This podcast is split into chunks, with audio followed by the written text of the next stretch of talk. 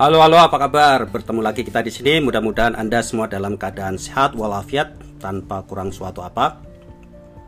Kali ini saya hendak berbagi dengan Anda bagaimana cara membangun mental agility di tengah kondisi yang tidak pernah pasti.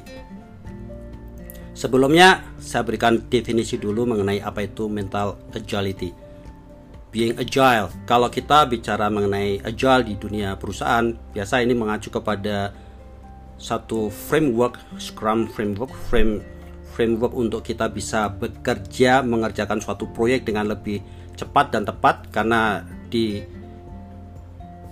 zaman dulu ketika proyek itu dibuat pendekatan yang dilakukan adalah pendekatan yang dikatakan sebagai pendekatan waterfall. Jadi dari atas turun ke bawah bertahap orang baru tahu bentuknya seperti apa setelah jadi. Sementara untuk dari awal sampai jadi mungkin diperlukan waktu yang tidak hanya sebulan dua bulan tapi bisa jadi setahun dua tahun. Di mana ketika jadi kebutuhannya sudah berubah. Jadi begitu jadi kondisi berubah karena bisnis requirement juga sering berubah dengan cepat apalagi dengan zaman yang sekarang ini. Jadi ketika itu sudah jadi dianggapnya sudah memenuhi requirement ternyata tidak bukan karena salah projectnya atau salah requirementnya tapi karena requirementnya dibuat dulu dua tahun yang lalu atau mungkin malah lima tahun yang lalu sementara tidak ada suatu cara yang digunakan supaya bisa diteliti setiap saat sehingga apabila ada perubahan requirement bisa dilakukan dengan cepat. Itulah kenapa kemudian timbul framework agile yang kemudian di dikerucutkan lagi dengan yang namanya Scrum Scrum Project. Kalau anda tahu Scrum mungkin anda nanti atau kita bisa bahas di pembahasan yang terpisah karena kita kali ini tidak membahas mengenai mental agility. Jadi lebih ke personal kita, bagaimana kita bisa menghadapi kondisi yang tidak pernah pasti. Hanya satu kepastian di dunia ini adalah ketidakpastian itu. Jadi pasti ada ketidakpastian. Kita tidak memastikan apa yang yang akan terjadi di masa depan. Apa pun itu bagaimanapun kita melakukan analisanya, apa yang terjadi di depan hanya kita bisa perkirakan atau lebih tepatnya hanya bisa kita antisipasi apa yang harus bisa kita lakukan untuk menghadapi masa depan. Nah, kalau bicara mental agility banyak nanti Anda bisa juga search di internet kira-kira definisi apa yang cocok buat Anda tapi kurang lebihnya saya bisa katakan bahwa mental agility adalah satu kondisi pikiran atau mind atau ya pikiran boleh kita bilang mind mental yang punya tendensi untuk bisa mengantisipasi atau beradaptasi dengan ketidakpastian atau kondisi yang selalu berubah-ubah. Jadi bagaimana kita bisa mengadjust mental kita jadi gesit menghadapi perubahan. Apa yang harus dilakukan kita terjadi perubahan? Jadi kalau kita bicara kondisi yang paling mutakhir saat ini ketika ada pandemik corona, kita tahu bahwa kondisi sangat luar biasa luar biasa tidak menentunya.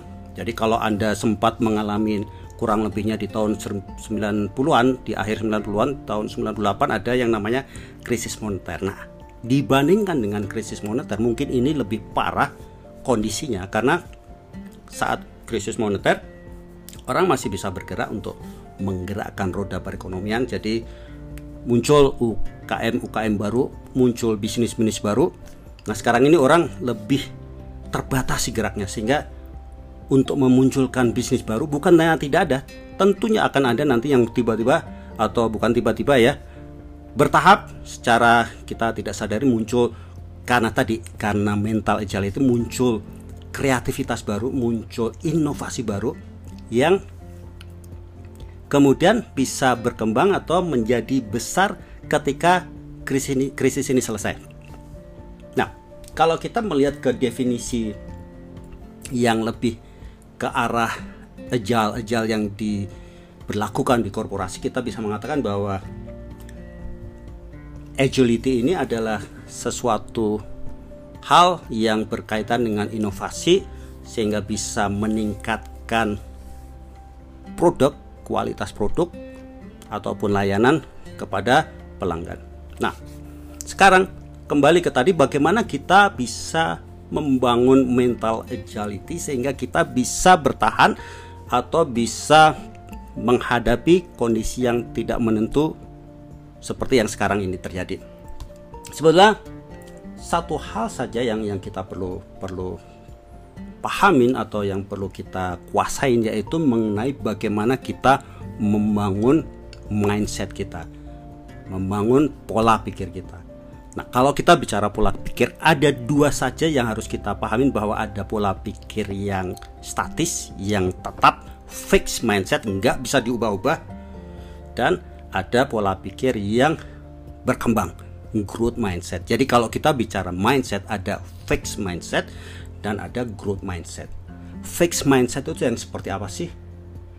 Fix mindset itu yang berpikir bahwa yang namanya intelijensia atau kepandaian atau kecerdasan itu sifatnya statis.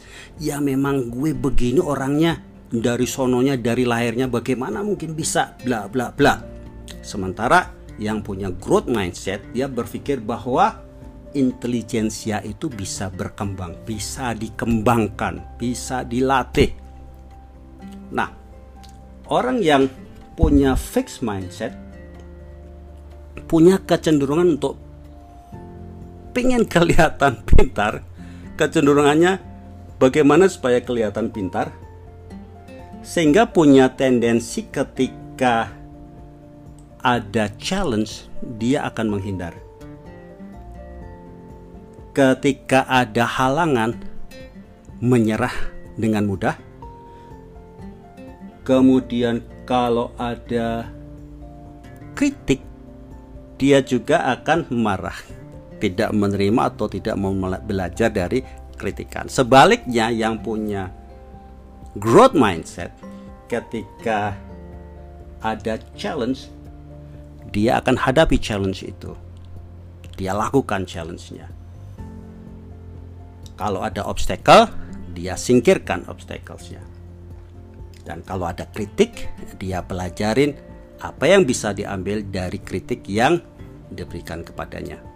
Nah itulah jadi mindset harus kita bangun terlebih dahulu supaya kita bisa membangun mental agility dan dengan sendirinya kita bisa menghadapi apa pun kondisi yang ada di seputar kita berubah ke buruk ke burah berubah ke baik tetap kita bisa flow dengan satu yaitu apa yang menjadi tujuan kita tidak peduli kondisinya akan seperti apa. Itu saja yang bisa saya bagikan kali ini mudah-mudahan bermanfaat. Selamat beraktivitas dan sampai jumpa ke podcast saya yang berikutnya.